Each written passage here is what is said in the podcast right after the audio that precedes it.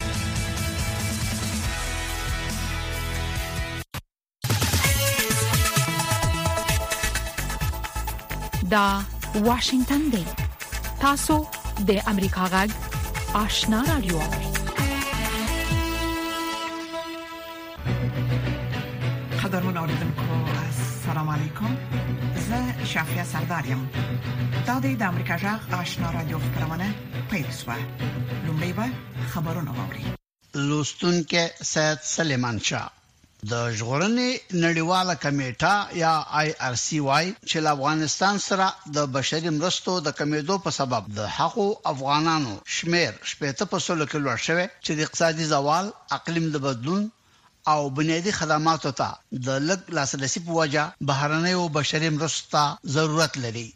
د ملګرو ملتونو د بشري مرستو د انسجام یا همغږۍ دفتر وايي چې د افغانستان د پوهنې د سکټور د بودجې کمېدل به په روان دوه زره دېرش میلادي کال کې کلیوالو ښونځیو په درې زره او درې سوه ټولګیو کې د زده کړو د بهیر د ځنډېدو سبب شي. د پاکستان د انګریزي ژبې ډان ورځپاڼې پرون د چهارشنبې په ورځ د هغه هېواد د بشري حقوقو د چارو د وزیر ریاض پیرزاده له قوله رپورټ ورکړ چې هغه په پاکستان کې دننه په امنیتي پیښو کې د طالبانو د موقت حکومت لاسوهنه ویني. پیرزاده په باور په دې اړه د دواړو خواوو ترمنځ سوی تفاهم موجود دی. د طالبانو د حکومت مطبوعاتي ویاند ذبیح الله مجاهد هم د پاکستان د پوځ د لوی درسیز جنرال عاصم منیر د هغو څرګندونو په مقابل کې غبرګون د ښودلو په ترڅ کې ویلي چې افغانستان د سیمې د هیوادونو د امنیتي ناکامیو مسول نه دی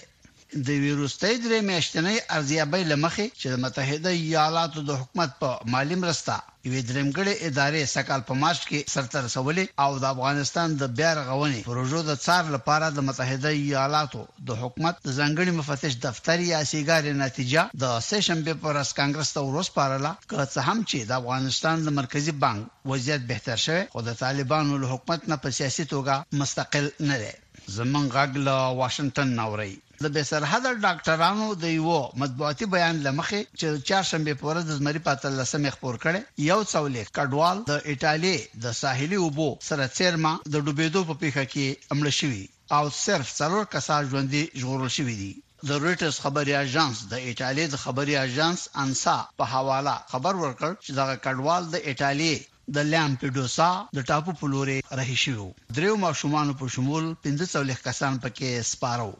پرون د چهارشنبې په ورځ په سومالیا کې د سړک د غاړې د بم په چاودنه کې لږ تر لږه شپږ کسان وژل شوي او دوولس تنه نور ټپیان شوي. چاودنه هغه مهال وشوه چې یو میني بس موټر د سومالي په جنوب کې د سړک د غاړې په ماین وروخوت.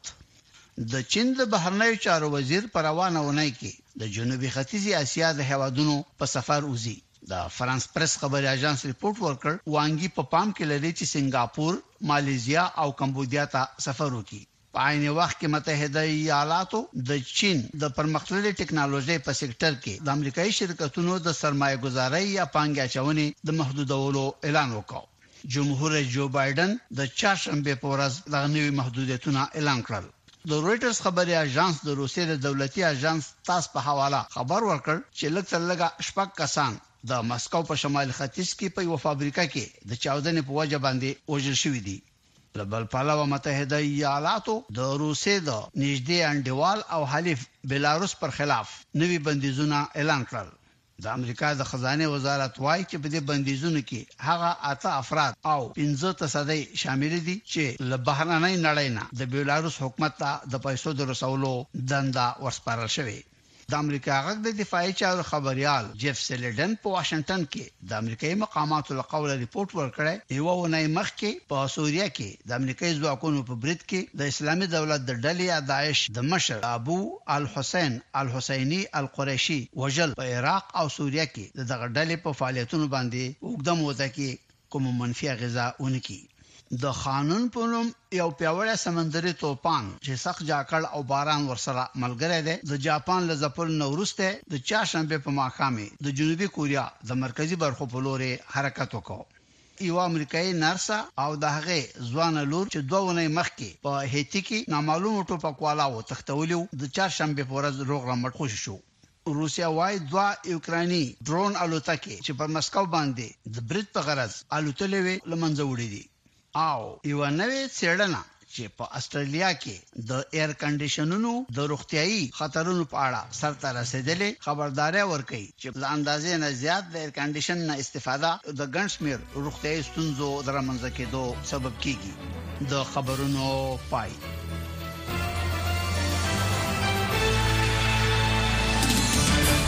خبرونه مو د امریکا جغ آشنا رادیو څخه واوریدل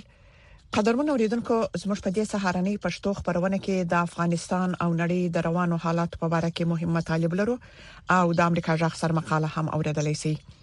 خو لومړی به دا راپورټ واوري چې د طالبانو د حکومت د مخابراتو او معلوماتي ټکنالوژي وزارت وایي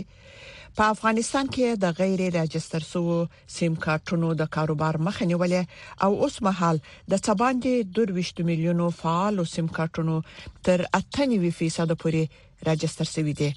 دغه وزارت وایي د تیرو کلونو په پرتله اوس په افغانستان کې تر 40% پورې د انټرنیټ بیې ټیټې شوې دي نور حال زموږ د خبريال اکرام شینواری پر پورت کوي د طالبانو د حکومت د مخابراتو او معلوماتي ټکنالوژي د وزارت سرپرست مولوی نجیب الله حقانی د چهارشنبه په ورځ کابل کې د دغه وزارت د نورو چارواکو سره یو ګډ خبري کانفرنس ته ویل چې په تیر یو کال کې د یوې خوا د غیر ريجستر شو د سیم کارتونو د کاروبار مخه نیولې او د بلې خوای د مخابراتي خدماتو د بیو د ټیټېدو او کیفیت د لوړېدو او هم هغو سیمو ته د مخابراتي او انټرنیټي خدمتونو د رسولو هڅې کړي چې په تیرو کلونو کې په هغو سیمو کې ورته خلکو لاسرسی نه لره. په دعوې سره ویلی شو چې اوس په افغانستان کې د سیمکارتونو توزیع هغه تقریباً که اووه نوي اته نوي فیصده قانون او اصولو ته برابره شوې ده او کاملاً تقریباً کنترول ده د دې لپاره یو مستقل سیستم جوړ شو او دغه سیستم د احصایې سره مرکزی ملي ادارې محترم ادارې سره هغه اکسس ورکړی شو څو شبکې وکولای شي چې د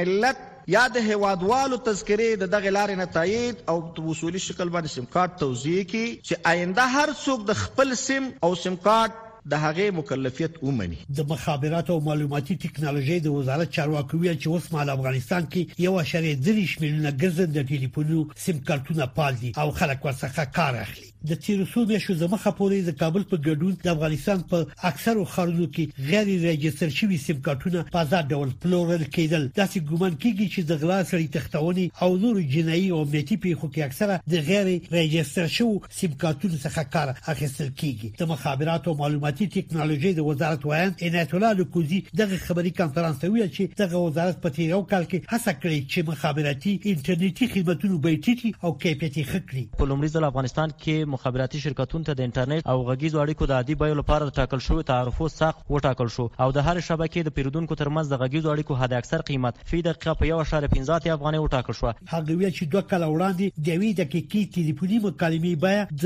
2.15 څخه نیولې تر 3.15 افغانۍ پورې ټاکل شوې و همدا شان خغلی الکوزي ویل چې د تیرو دوه کلونو پر تله د انټرنیټ بیه هم د 10 او 30 فیصد پورې راټیټې شوې دي دغه وزارت چارواکو د افغانستان ولایتونو ته د فایبر نوري شبکې سره د نخرولو په اړه ویل چې له 900 کیلومترو څخه زیات د فایبر نوري مزي ولایتونو ته غځول شوی او هم یو شمېر ولایتونو ته د مزو د غځولو چارې لا روانې دي د مخابراتو او معلوماتي ټکنالوژي وزارت چارواکو ویل چې د کیفیت د ښه کولو په موخه شپږ سوه او یو څلوېښت سایټونه له دوه جي څخه درې جي ته بدل شوي دي همداشان دغو چارواکو ویل چې د لومړي ځل لپاره د هېواد په کچه د مخابراتي خدمتونو د کیفیت د معلومولو په موخه ګرځنده دستګاوې پالي شوې دي د مخابراتو او معلوماتي ټکنالوژي وزارت چارواکو ویل چې دغه وزارت د غیر اخلاقی سایټونو د بندولو په برخه کې د پام وړ کار کړی دی د مخابرات او معلوماتي ټکنالوژي د وزارت چارواکو د زنو خبري رسنیو د انټرنیټي پاڼو د بندولو په اړه سونه ویل دغه وزارت یو شمېر هغو نړیوالو او سیمایي رسنیو انټرنیټي پاڼې تړلي چې په افغانستان کې په دری او پښتو ژبه په انلاین بڼه خبرونه کوي د طالبانو حکومت د انټرنیټي پاڼې د نږدې شپږ میاشتو راهیسې تړلې دي د افغانستان د رسنیو قانون چې وسم په دغه هیواد کې نافذ دی د رسنیو په انټرنیټي پاڼو د سانسور او تړلو مخالف دی خو به هم د طالبانو حکومت یو شمېر نړیوالو او سیمه ییزو رسنیو انټرنیټي پاڼې تړلې دي د رسنیو د ملاتړ ادارو د طالبانو حکومت دا اقدام غندلی او ژر تر ژره د رسنیو په انټرنیټي پاڼو د بندیز د لری کولو غوښتنې کړې دي انتظار پای ته ورسید ترنو لیدونکو او اوریدونکو تاسو کولی شئ د امریکا غا ټلویزیونی او رادیوي خبرونه د یاسات ساتلایت له طریقو وګورئ او واورئ د نوي ساتلایت لارې تاسو د آشنا اتصال او کاروان ټلویزیونی خبرونه کتلای هم شئ د امریکا غږ د افغانستان څنګه خبرونه په 398 چنل او د آشنا رادیوي خبرونه په 390 چینل کې اوریدلای شئ لملتيامو د تل پشان مننه دا د امریکا جغ آشنا رادیو ده د پاکستان د پوز مشر جنرال عاصم منیر په افغانستان کې د ترګرو ډلو پر پټنځایونو او آزاد فعالیت اندیشنه شوه ده د بل خوا یو پاکستانی چارواکي امریکا ځخ ته ویلي دي چې د طالبانو مشر مولا هبت الله په پا پاکستان کې بریدونه حرام بللي دي نور تفصيل پر پورت کې ووري د پاکستان د پوز مشر جنرال عاصم منیر د پیښور په بلا حصار کې وی غونډې ته په وینا کې یو ځل بیا په افغانستان کې د تروریستي ډلو د پټنځایونو او په آزاد ډول د دغو ډلو په فعالیتونو ژور اندېښنه خوده او ویلي دي چې پوز به د دغو ډلو لمنځه وړلو او د خپل خلکو د ساتلو لپاره د هیڅ ډول هڅو څخه ډډه ونه کړي. پاکستان د افغانستان په خاوره کې هغو ډلو ته چې بندیز پرې لګول شوی، د پناه ځایونو په ورکولو او په ازاد ډول د دغو ډلو په اقداماتو باندې اندېښمن دی. نوموړي زیاته کړې، په ترهګریزو فعالیتونو کې د افغانانو ښکېلتیا د سیمې ثبات ته زیان رسوي او دا ډول اقدامات د دوحې له هوکړې څخه سرغړونه ده. خو سپینې ماڼۍ څه وخت مخکې ویلي و داسې نښې نښانې نشته چې وښیي په پاکستان او د کرښې په اوږدو کې میشت افغان کډوال دې په افراطي فعالیتونو کې ښکیل وي. کیسه کړکیچنه ده، پاکستان غواړي چې ترهګري بند کړي خو دا هم غواړي چې په افغانستان کې دې د طالبانو ډله په قبضې کې بل طرف ته صرف دا غواړي چې پاکستان کې دې دا هغه اټیکس نه کوي لکه د ټي ټي پي غونې یا داعش غونې ارګنایزیشنز دي دا دې اټیک نه کوي دا داسې پالیسي ده څه دا دوروخه پالیسي ډیره مخکې نه روانه ده په دې موهم نه پوهیږو. طالبان په ټوله کې نه غواړي چې جنګیالي پاکستان ته ولاړ شي او په پاکستان کې جګړه وکړي او نه پاکستان دا شل کاله طالبان په دې خاطر باندې سپورټ کول یا د دوی تمویلول یا له دوی سره په دې خاطر مرسته نه کوله چې سبا طالبان واک ته ورسیږي او د پاکستان په خلاف باندې جګړه وکړي خو دغه جګړه اوس هم د طالبانو او هم د پاکستان له واک وتلې ده ځکه افراطي جګړه هم دغه سي د پاکستان د پوز مشر دا څرګندونې په داسې حال کې کړې چې په یاد هیواد کې یو لوړ پوړي چارواکي امریکا غږ ته ویلي دي چې د طالبانو مشر مولا هبت الله د ډیورن کرخي په پوري غاړي یعنی پاکستان کې بریدونه حرام بللي دي دغه چارواکي د نوم د خودلو په شرط امریکا غږ ته ویلي دا مسله کابل ته د اسلام آباد څخه د ورغلي پلاوي سره په خبرو کې مطرح شوې ده او طالبانو په دې اړه د هبت الله فرمان هم له پاکستاني مقاماتو سره شریک کړی دی کوم ناورین چې هلته رامنځته شوی دی دا غیر د مدیریت او د کنټرول توان نه د پاکستان سیاسيون لري او نه پوز لري غواړي چې یو پلمه دا وکړي چې دا د افغانستان د هرخ نه دغه ګواښونه هغه ته متوجي دي په داسې حال کې چې د پاکستاني طالبانو او د افغاني طالبانو او د نورو ټولو تروریستي شبکو هغه اصلي جرړې او مراکز تر اوسه پورې هم په پاکستان کې دي څو ورځې مخکې د طالبانو د دفاع سرپرست وزیر محمد یعقوب مجاهد هم ویلي وو چې څوک له افغانستان څخه بهر د جهاد په نیت ځي دغه جنگ دی جهاد نه دی د طالبانو حکومت داسې منیر د ورستي څرګندونو او په پاکستان کې د بریدونو د حرام بللو په اړه د خپل مشر ملا هبت الله د فرمان په اړه څه نه دی ویلي او طالبانو تر دې مخکې ویلي هیڅ چاته اجازه نه ورکوي چې د افغانستان له خاورې څخه د نورو په وړاندې کار واخلي سمي الله جلالزای د امریکا غږ متضاد اړخونه بیلابیل دریزونه د سپیناوي تود مخامخ بحث او په اخر کې قضاوت ستاسو پر مهمو سیاسي، امنیتي، اقتصادي او ټولنیزو مسایلو د افغانستان، سیمې او نړۍ باندې د ژور څېړنیز بحث مهمه اونیزه خپرونه هایل د هرې جمعې په ورځ د افغانستان په وخت د ماښام ونیمونه تر اته بجو پورې د امریکا غږ د سټلایټ لارې په ژوندۍ بڼه هایل د امریکا غږ د روانو چارو نوی ټلویزیونی خبرونه پورتونو ته دوام ورکوه ورسته له هغه چې په نایجر کې د کودتا مشرانو ټاکل شوی جمهور رئیس ته د شنبه تر ضرب الاجل د واک له لیږد څخه انکار وکړ او د سیمې هیوادونه د دوی لخوا د پوځي ګواښ په تر سره کولو کې پاتې راغلل امریکا د دغه هیواد حالات لنیږدې څاري په ورته وخت کې امریکا د دغه بیا وازله هیواد سره خپل مرستي درولې دي نور حال پر پورت کې ووري د نایجیر په پلازمینه نیامي کې د نایجیر د کودتا مشران د سیمه ییزو مشرانو لویدیز لخوا د پوځي اقدام د خبرداري په اړه بې تفاوت دي د یوې اونۍ زیات وخت کېږي چې کودتاچیانو واک نیولې او د دغه هیواد ولسمشر د دوی سره بندي دي د هېواد د دفاع ملي شورا د نایجیر په کورنیو چارو کې د ختیځې افریقا د اقتصادي شورا او باندنۍ لاسوهنې په اړه خبرداری ورکوي. همدارنګه دا شورا د سیمې پر امنیت، ټیکاو او زموږ د ټولنې پر یووالي د نایجیر په کورنیو چارو کې د لاسوهنې د ویجاړوونکو پایلو په اړه خبرداری ورکوي. واک ته د ولسمشر بازوم د بیرته راګرځیدلو ضرب الاجل راغی او تیر شو. نوموړي د خپل بند پر مهال وکړای شو چې واشنګټن پوسټ ته یوه مقاله چې د ولسمشرۍ د ګارډ د مشر له خوا پر نوموړي کودتا ناقانونه بولي، ولیکي. نایجر د ساحل په بې ثباته سیمه کې د امریکا یو کلیدي ملګری هیواد دی. د امریکا دفاع وزارت ویلي چې په دغه هیواد کې د امریکا د سلګونو پوځیانو په موقعیت کې تغیر نه راځي. نایجر چې د نړۍ له تر ټولو بې وزلو هیوادونو دی، د نفوس د ډیرښت له امله یې هم پر بهرنیو مرستو تکیه ډیره ده. د دوشنبې په ورځ د امریکا د بهرنیو چارو وزارت پر دغه هیواد د مرستو د بندیدو خبره وکړه. د پام وړ کچه ده، زه په دې اړه شمیر نه لرم، ځکه چې دا اوس یوه وقفه ده، داسې وقفه چې مونږ یې بیرته د ستنیدو تمه لرو. که د کودتاچیانو د ډلې مشران یوې خوا شي او سبا اساسي قانون بیرته نافذ کړي، دغه وقفه او امنیت به بیرته نافذ او امنیت به بیرته راوګرځي. خو لکه چې مخکې مو ویلي په سلګونو میلیونه ډالر په خطر کې دي. شنونکي وايي چې کودتاچیان یو څه ملاتړ هم لري، په څېرمه بورکینافاسو،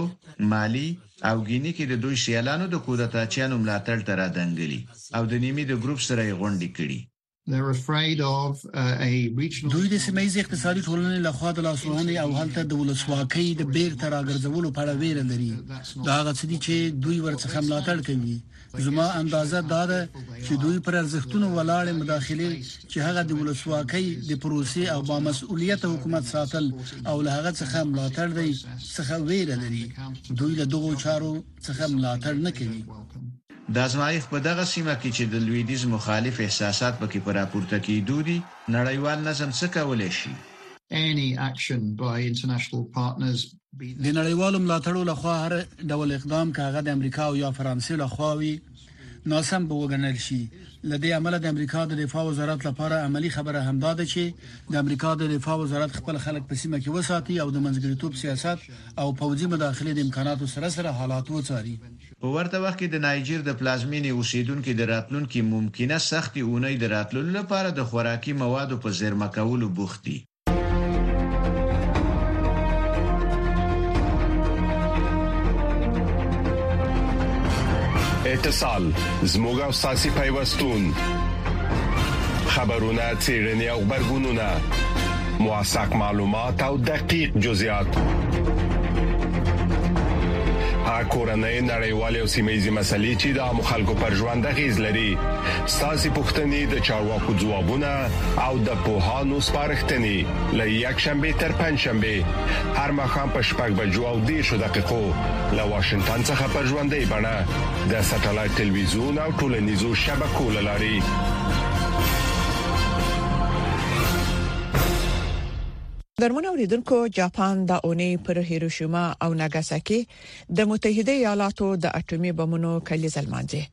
چې په 1945 کال کې په سلګونو زره ملکی وګړي ووجل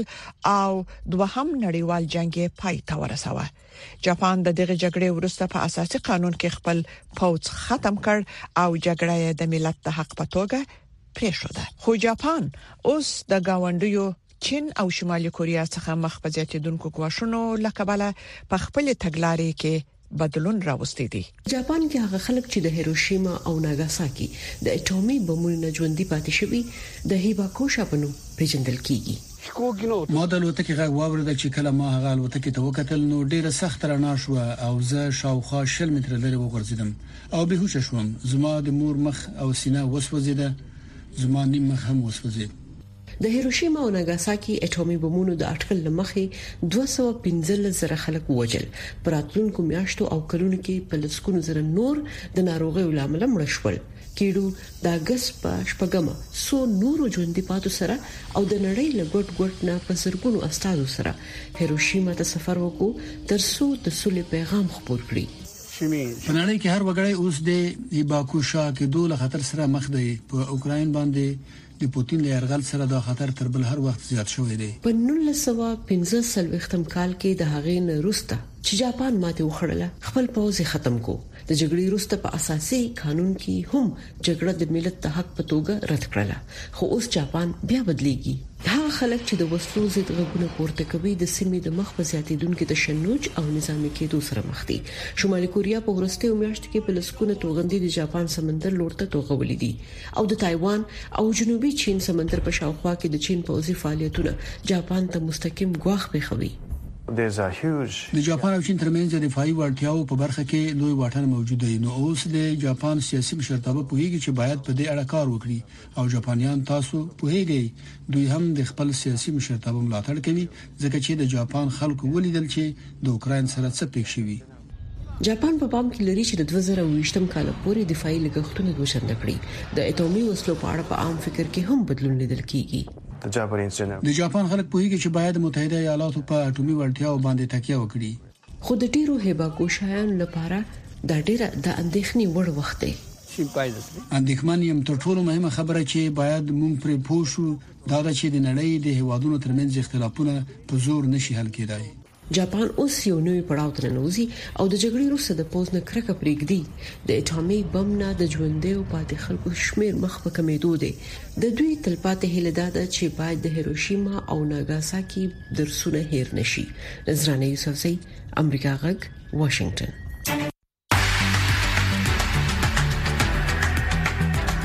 طالبانو د افغانستان له دننه د امریکا غاټ راډیو خبرونه درولې دي خو امریکا غاټ په پوره شمنتیا خپل افغان اوریدونکو ته په پښتو او دری ژبه د کره باوري او هررخیزو خبرونو په خبرولو د افغانستان له بهره په نهه سوه او دوه اویا کیلو هرتز منځنوي څپو خپلو خبرونو ته دوام ورکړي.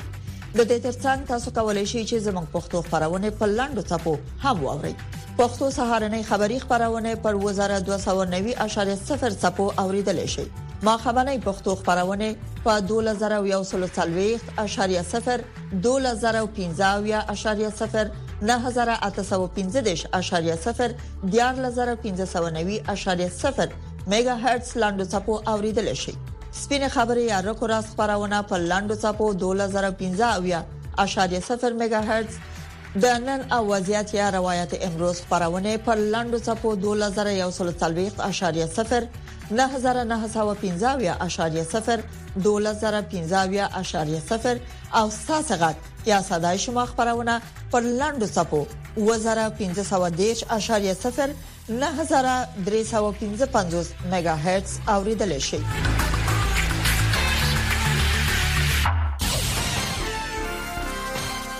ګرانو اوریدونکو دا د امریکا غږ سرمقاله ده چې د امریکا د حکومت نظر څرګندوي د بهرنیو چارو وزیر انټونی بلینکن د وزیرانو په سطح د غونډې د پرانستلو په وخت کې په خپل وینا کې ویل چې نړیوال اعتلاف پیل کوي چې د سنتیتیک مخدره مواد غم وخوري سنتیتیک مخدره مواد د هغو امریکایانو چې عمرونه یې د 18 کلونو نه تر 45 کلونو پورې رسیدي په تیره بیا فنتا الین نمبر یو وژونکي دي همدا علت دی چې د مخدره موادو د قاچاق سره چال چلند کول په امریکا کې د هغې مهمې سحري ناروغۍ چې د یو بل نه سرایت کوي برسیره پر نورو شیانو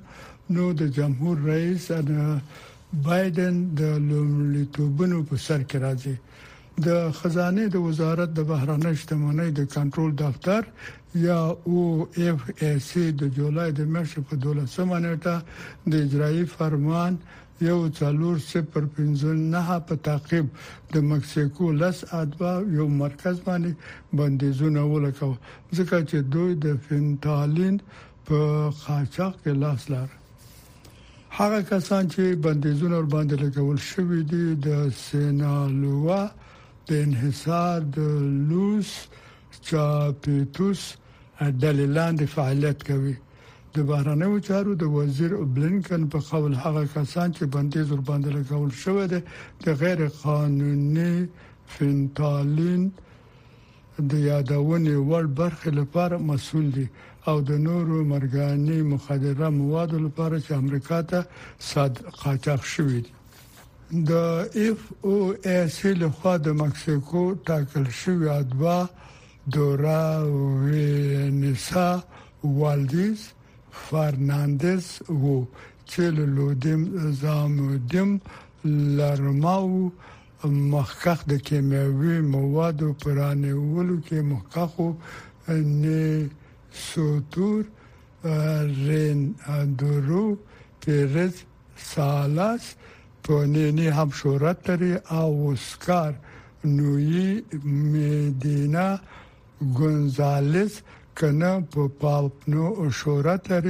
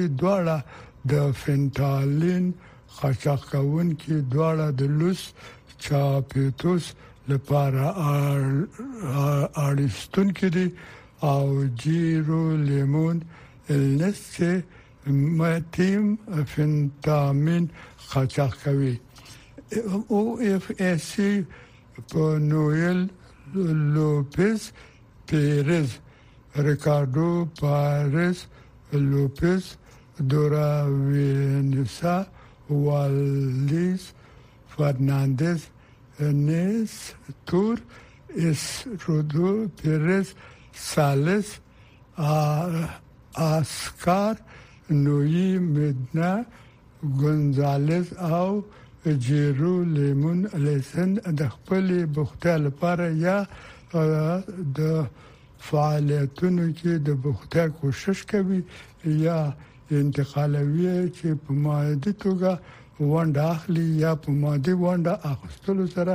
د یادونې د خطر سره مخامخ کیږي چې غیر قانوني مخدره مواد په بین المللي سطح خپروي یا د دوی د تولیداتو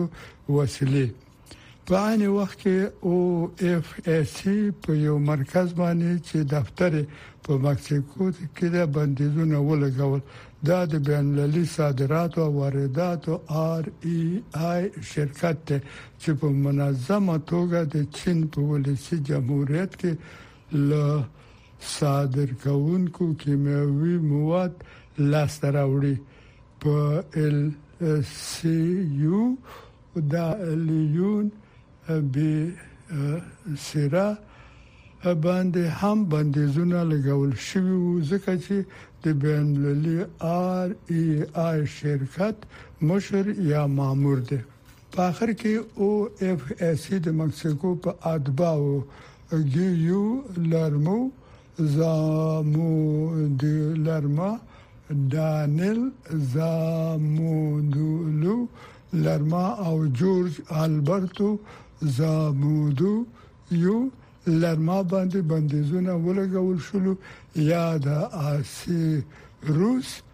رفکشن دل هیو ما یا مشران یا ماموران دي د اف او او اس سي لخوا د 2013 کال د فبرवरी په میاشت کې په دغه مرکز باندې بندیزونه ولګول شول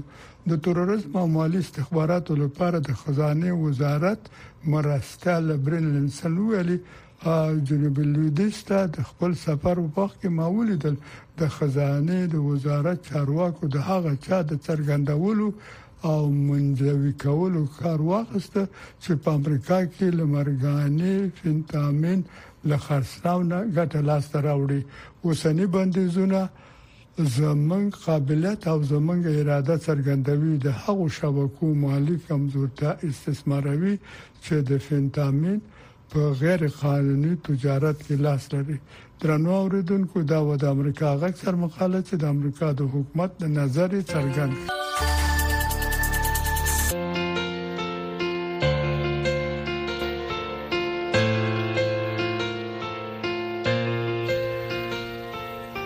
درنوریدونکو زموږ د خبرونه په همدې ځای پای ته ورسیده